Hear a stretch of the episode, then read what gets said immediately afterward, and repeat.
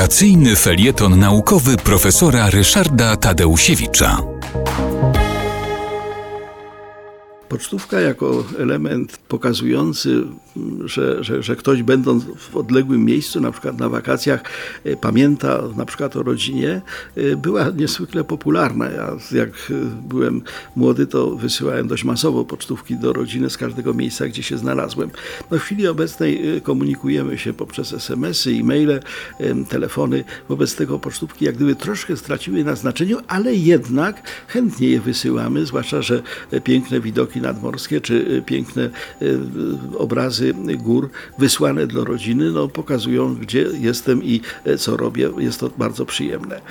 Trzeba powiedzieć, że y, pomysł kartek, które miały przenosić jakiś obraz połączony z, jakimś, z jakąś intencją, pojawił się wcześniej, bo w 1843 roku Henry Cole, to był dyrektor Muzeum Wiktorii Alberta w Londynie, wymyślił pierwszą kartkę świąteczną kartkę z życzeniami świątecznymi. On musiał pisać bardzo dużo tych życzeń.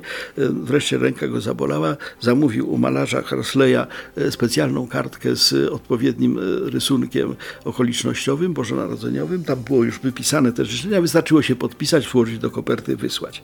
No ale potem kartki zaczęto wysyłać również nie tylko z okazji świąt.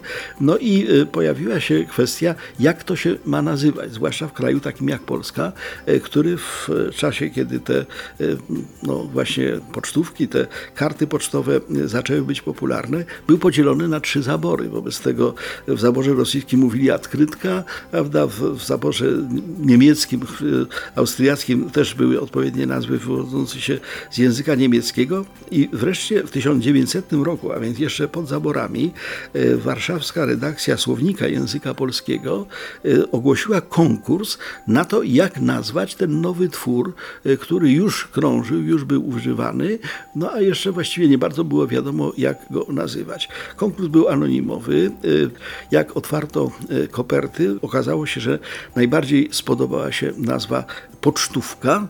Y, jak sprawdzono, kto wymyślił tą nazwę, to się okazało, że nie byle kto, noblista Henryk Sienkiewicz. On wygrał wtedy ten konkurs właśnie tą nazwą i wobec tego dzisiaj wysyłając pocztówki, jak gdyby wspominamy naszego noblistę Henryka Sienkiewicza, wspaniałego pisarza, aczkolwiek w chwili obecnej już trochę zapominanego.